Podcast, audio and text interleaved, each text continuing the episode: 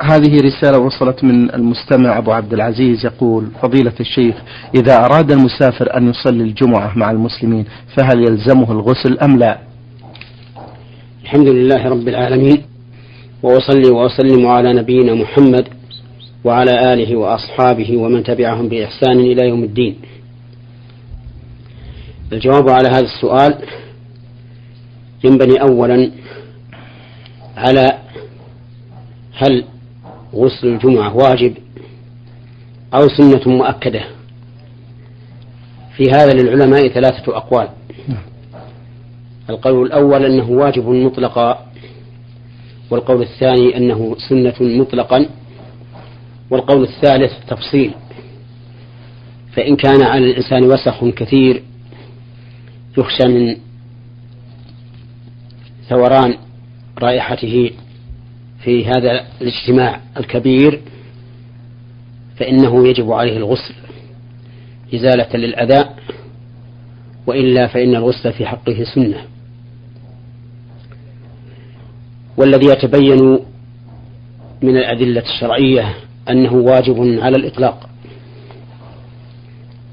لما ثبت في الصحيحين وغيرهما من حديث أبي سعيد الخدري رضي الله عنه أن النبي صلى الله عليه وآله وسلم قال غسل الجمعة واجب على كل محتلم. فتأمل كلمة واجب ممن صدرت وبماذا أحيطت. هذه الكلمة صدرت من أفصح الخلق وأعلمهم بما يقول وأنصحهم فيما يريد. وهو رسول الله محمد صلى الله عليه وآله وسلم. ولا شك أن النبي صلى الله عليه وآله وسلم يعلم معنى كلمة واجب. فلو لم يرد بها الإلزام لكان التعبير بها فيه إيهام.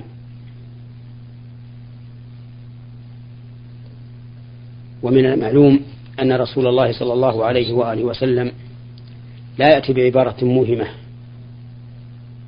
يريد بها خلاف ظاهرها بل لا يأتي بعبارة إلا وهو يريد ما يستفاد منها من ظاهر من ظاهر اللفظ لأنه أفصح الخلق وأعلمهم بما يقول وأنصحهم لعباد الله. ثم إن هذه الكلمة أحيطت بما يدل على أن المراد بها الوجوب الإلزامي وهو قوله على كل محتلم أي على كل بالغ فإن البلوغ وصف يقتضي إلزام المخاطب بما يوجه إليه من خطاب فهو وصف مناسب لعلة الإيجاب. وعلى هذا فلا مناص من القول بوجوب الغسل على من أراد الجمعة وأتى إليها. ويدل لذلك أن أمير المؤمنين عمر بن الخطاب رضي الله عنه كان يخطب يوم الجمعة فدخل عثمان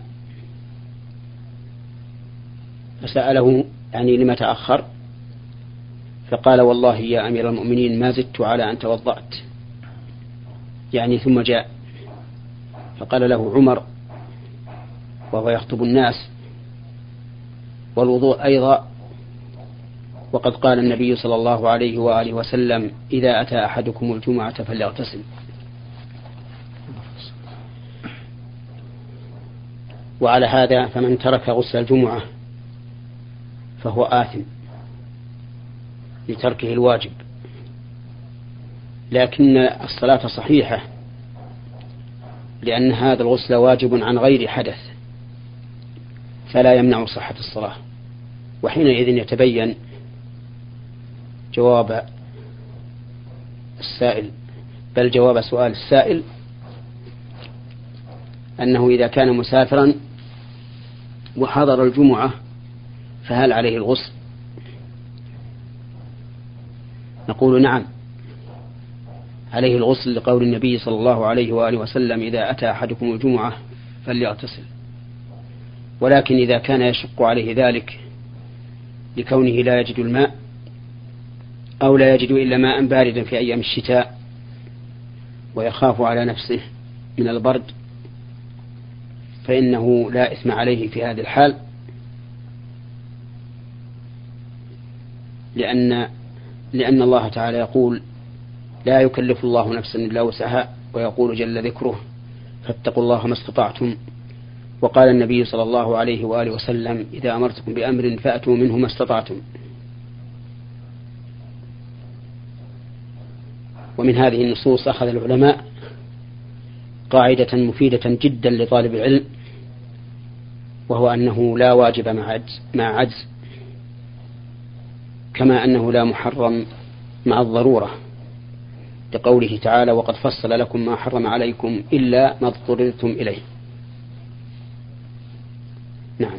بارك الله فيكم. المستمع يقول أردت بيع بيتي ولكن الوالد رفض ذلك رفضا قاطعا فكرهت البيع وهو غير راغب فهل يجوز لي؟ إيش فكرهت البيع؟ اي يقول فكرهت البيع بيع الدار وهو غير راغب أيضا فهل يجوز لي البيع والحال ما ذكر؟ كيف لا يرضى الوالد لا بالبيع ولا بالإمساك؟ لا هو يقصد إن الولد كره البيع والوالد غير راغب غير راض بماذا؟ بالبيع إذا كره والدك أن تبيع بيتك فلا تبيعه طيب نقول للسائل إذا كره أبوك بيع بيتك فلا تبيعه. اتباعا لما يرضي والدك. طيب. اللهم إلا في حال الضرورة والحاجة كما لو كان البيت رفيع الثمن وأنت محتاج إلى الدراهم وتريد أن تبيعه لتشتري دونه. فلا حرج عليك في هذه الحال أن تبيعه ولو كره أبوك ذلك لكن ينبغي لك أن تداري لوالدك في هذه الحال وأن تحاول إقناعه بكل ما تستطيع أما إذا لم يكن حاجة فإن اتباع اتباع رضا والدك خير لك وربما يكون خيرا لك أيضا في الدنيا ربما يكون عدم بيعه خيرا لك في المستقبل. بارك الله فيكم. شخص حافظ لكتاب الله عز وجل وحفظه قوي ولكنه لا يقوم من الليل شيئا ويوتر قبل أن ينام فهل يأثم بذلك؟ لا يأثم بذلك. فإن الإنسان مخير بين الإيتار في أول الليل أو آخره. ولكن من طمع أن يقوم من آخر الليل فليوتر آخر الليل فإن صلاة آخر الليل مشهودة وهي أفضل. ومن خاف ألا يقوم فليوتر أول الليل. وقد ثبت عن النبي صلى الله عليه وآله وسلم أنه أوصى أبا هريرة رضي الله عنه أن يوتر قبل أن ينام لأنه كان يشتغل في أول الليل بحفظ أحاديث رسول الله صلى الله عليه وآله وسلم. فأرشده النبي صلى الله عليه وآله وسلم إلى الإيتار قبل النوم.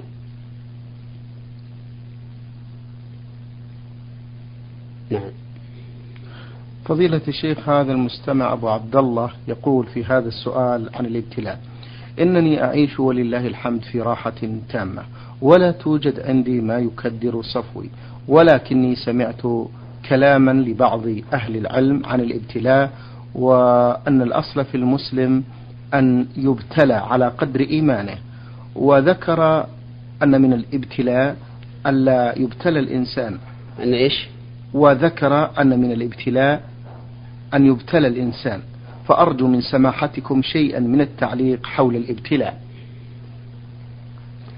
الإبتلاء هو الاختبار. وقد قال الله تبارك وتعالى ونبلوكم بالشر والخير فتنة. وإلينا ترجعون. فأما الخير فالابتلاء فيه أن الله يبلو الإنسان هل يشكر أم يكفر. كما قال سليمان عليه الصلاة والسلام حين رأى عرش ملكة سبأ مستقرا عنده قال هذا من فضل ربي ليبلوني أشكر أم أكفر. وأما الابتلاء بالشر فإن الله تعالى يبلو الإنسان بالشر ليعلم هل يصبر أو يتسخط. فإن صبر واحتسب الأجر من الله كان هذا البلاء كفارة له ورفعة لدرجاته. وإن لم يفعل كان هذا الابتلاء محنة عليه. في دنياه وآخرته والإنسان الذي أنعم الله عليه بالنعم المالية والبدنية والعقلية والأهلية وتمت له نعمة الدنيا يجب عليه أن يشكر الله على هذه النعمة وأن ينظر إلى من هو دونه حتى يتبين له فضل الله عز وجل عليه. وإذا قام بالنعمة وإذا قام بشكر هذه النعمة فقد أدم عليه.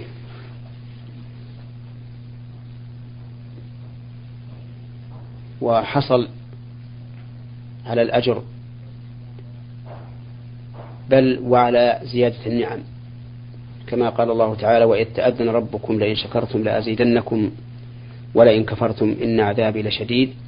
وقال النبي صلى الله عليه وآله وسلم إن الله لا يرضى عن العبد يأكل الأكلة فيحمده عليها ويشرب الشربة فيحمده عليها. ولا تتسخط ولا تهتم ولا تغتم إذا لم يبتلك الله عز وجل بالمصائب. فإن الأمر كما قلت لك كما قلت لك يكون الابتلاء بالخير ويكون الابتلاء بالشر. نعم. بارك الله فيكم.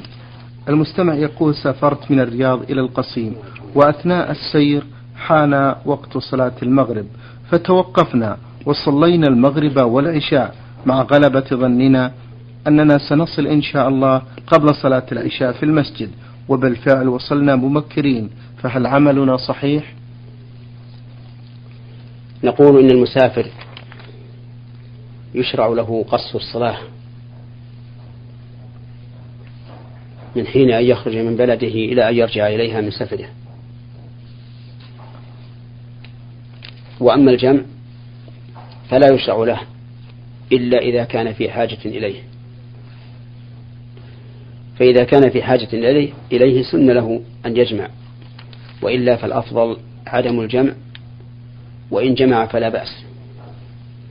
وبناء على هذه القاعدة نقول إن المسافر إذا أقبل على بلده وكان يغلب على ظنه أنه يصل إليه قبل دخول وقت الصلاة الثانية أو في أثناء وقتها فالأفضل أن لا يجمع لأنه ليس بحاجة إلى الجمع حينئذ وإن جمع فلا بأس لأنه مسافر. وعلى هذا فعمل هذا السائل الذي جمع بين المغرب والعشاء جمع تقديم قبل أن يصل إلى بلده عمل صحيح لكنه مرجوح إذ أن الأفضل أن لا يجمع في هذه الحال لكونه يغلب على ظنه أنه يصل إلى بلده قبل وقت الثانية أو في أثنائه. نعم. بارك الله فيكم. هذا مستمع للبرنامج محمد إسماعيل من سوريا حلب ومقيم في الأردن. يقول فضيلة الشيخ كنت لا أعرف مكان الإحرام فأحرمت من مطار جدة مع العلم بأنني آه، أقلعت من مطار دمشق. فهل الإحرام جائز أو علي كفارة؟ أفيدونا أفادكم الله. المسافر على الطائرة إلى مكة يريد العمرة يجب عليه أن يحرم عند أول ميقات يحاذيه من فوق. لأن النبي صلى الله عليه وآله وسلم وقت المواقيت وقال هن لهن ولمن أتى عليهن من غير أهلهن ممن يريد الحج أو العمرة. ولما سأل أهل العراق أمير المؤمنين عمر بن الخطاب رضي الله عنه أن يجعل لهم ميقاتا قال انظروا إلى حذوها يعني قرن المنازل من طريقكم. فدل هذا الأثر عن أمير المؤمنين عمر بن الخطاب رضي الله عنه أن محاذاة الميقات كالوصول إلى الميقات بالفعل. وعلى هذا فمن حاذ الميقات من فوق الطائرة فإنه يجب عليه الإحرام منه. ولا يحل له أن يؤخر الإحرام حتى يصل إلى جدة. فإن فعل فإن كان متعمدا فهو آثم وعليه الفدية. شاة يذبحها في مكة ويوزعها على الفقراء. وإن فعل ذلك جاهلا كما يفيده سؤال هذا السائل فإنه لا إثم عليه لأنه معذور بجهله ولكن عليه الفدية جبرا لما نقص من إحرامه. شاة يذبحها في مكة ويوزعها على الفقراء. وعلى هذا فنقول للسائل يذبح فدية في مكة ويوزعها على الفقراء. إما بنفسه إن ذهب إلى مكة أو بتوكيل غيره ممن هو في مكة أو قريب منها. يذبحها عنه ويوزعها على الفقراء. بارك الله فيكم. المستمع أيضا يقول هذا نعم هذا إذا كان قادرا على ذلك نعم. قدرة مالية. أما إذا كان غير قادر فإنه لا شيء عليه. لا إطعام ولا صيام. وهذا الحكم في كل من ترك واجبا من واجبات الحج أو العمرة فإن عليه الفدية كما قال أهل العلم يذبحها في مكة ويوزعها الفقراء فإن لم يجد فلا شيء عليه لا إطعام ولا صيام. نعم. بارك الله فيكم. سؤاله الثاني يقول بأنه يصلي من عشر سنوات تقريبا وزوجتي لم تصلي فهل يحق لي أن أهجرها؟ أفيدون ماذا أعمل معها؟ من أجل الصلاة علما بأنني نصحتها عدة مرات. أرجو النصح والتوجيه في سؤالي مأجورين. النصح هنا يتوجه إليك يتوجه إلى السائل وإلى زوجته. أما توجهه إلى السائل فإن نقول إن عليه أن يؤدب امرأته. وأن يلزمها بالصلاة. فإن أبت فليفارقها لأنها إذا لم تصلي فهي كافرة. كفرا مخرجا عن الملة. كفر ردة لا يحل له أن يبقى معها زوجة له. لقول الله تبارك وتعالى في المؤمنات المهاجرات فإن علمتموهن مؤمنات فلا ترجعوهن إلى الكفار لا هن حل لهم ولا هم يحلون لهن. ولقوله تعالى ولا تنكحوا المشركات حتى يؤمن. هذا بالنسبة إلى الزوج. أما بالنسبة للزوجة فإنني أوجه إليها النصيحة بأن تتقي الله عز وجل وتخافه. وترجع إلى دينها الذي خرجت منه إذا كانت لا تصلي أبدا. لأن ترك الصلاة كفر مخرج عن الملة. لقول الله تبارك وتعالى في المشركين فإن تابوا وأقاموا الصلاة وآتوا الزكاة فإخوانكم في الدين ونفصل الآيات لقوم يعلمون. ولقوله تعالى ولقول النبي صلى الله عليه وآله وسلم العهد الذي بيننا وبينهم الصلاة فمن تركها فقد كفر. ولقوله بين الرجل وبين الشرك والكفر ترك الصلاة فعليها أن تتقي ربها وأن ترجع إلى دينها الذي خرجت منه لتبقى مع زوجها وتحيا معه حياة سعيدة. نسأل الله لنا ولها الهداية. اللهم آمين. بارك الله فيكم. المستمعة عين عين خاء آه الشمال. في المملكة العربية السعودية تقول فضيلة الشيخ أسأل عن ثوب الزفاف وخاتم الخطوبة والتشريعة ما حكمها في الشرع في نظركم؟ بارك الله فيكم. آه، ثوب الزفاف جائز إذا لم يكن متضمنا لفعل محظور أي لفعل محرم. وذلك أن الأصل في اللباس. عينا وكما وكيفية. الأصل فيه الحل. فيلبس الإنسان ما شاء ويلبس ما شاء من عدد الثياب ويلبس الثياب على أي كيفية شاء. هذا هو الأصل. نعم.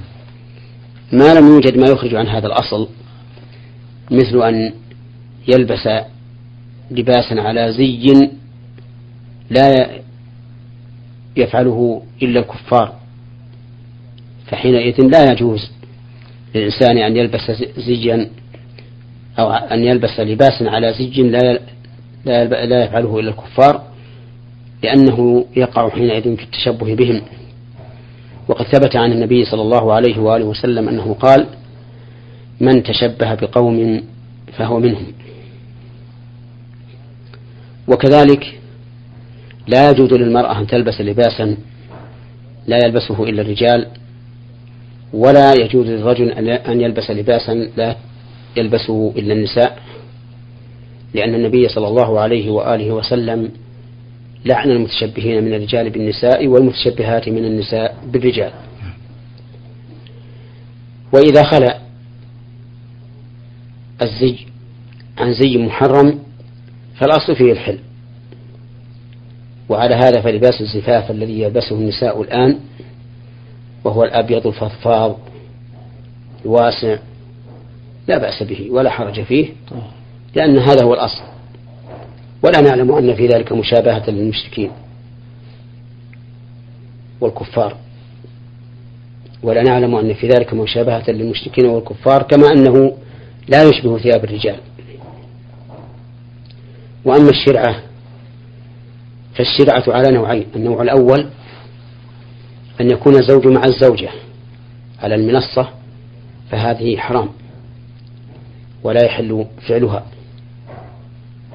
ولا يحل للزوج أن يفعل ذلك ولا لأهل الزوجة أن يمكنوه من هذا الفعل. فإن ظهور الرجال أمام النساء في هذه الحال فتنة عظيمة. أما النوع الثاني من الشرعة فهي أن تقوم الزوجة وحدها فقط على المنصة أمام النساء فهذا لا بأس به ولا حرج فيه لأنه ليس فيه محذور فيما نعلم وإن قدر أن فيه محذورا فالحكم يدور مع علته فإنه يمنع. لكن لا يتبين لنا أن في ذلك محذورا وعلى هذا فيكون قيامها فيكون قيام المرأة على المنصة أمام النساء لا بأس به والله موفق. بارك الله فيك. بالنسبة لخاتم الخطوبة فضيلة الشيخ أما خاتم الخطوبة فالأصل أن الخواتيم جائزة. نعم. لكن نظرا إلى أن هذا الخاتم يقال إنه متلقا من عادات النصارى فإذا ثبت هذا تجنبه أولى.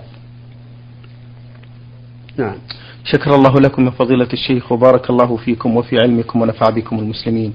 أيها الإخوة الأحباب أيها الإخوة المستمعون الكرام أجاب على أسئلتكم فضيلة الشيخ محمد بن صالح بن عثيمين الأستاذ في كلية الشريعة وأصول الدين في القصيم وخطيب وإمام الجامع الكبير في مدينة عنيزة. شكر الله لفضيلته على ما بين لنا في هذا اللقاء الطيب المبارك.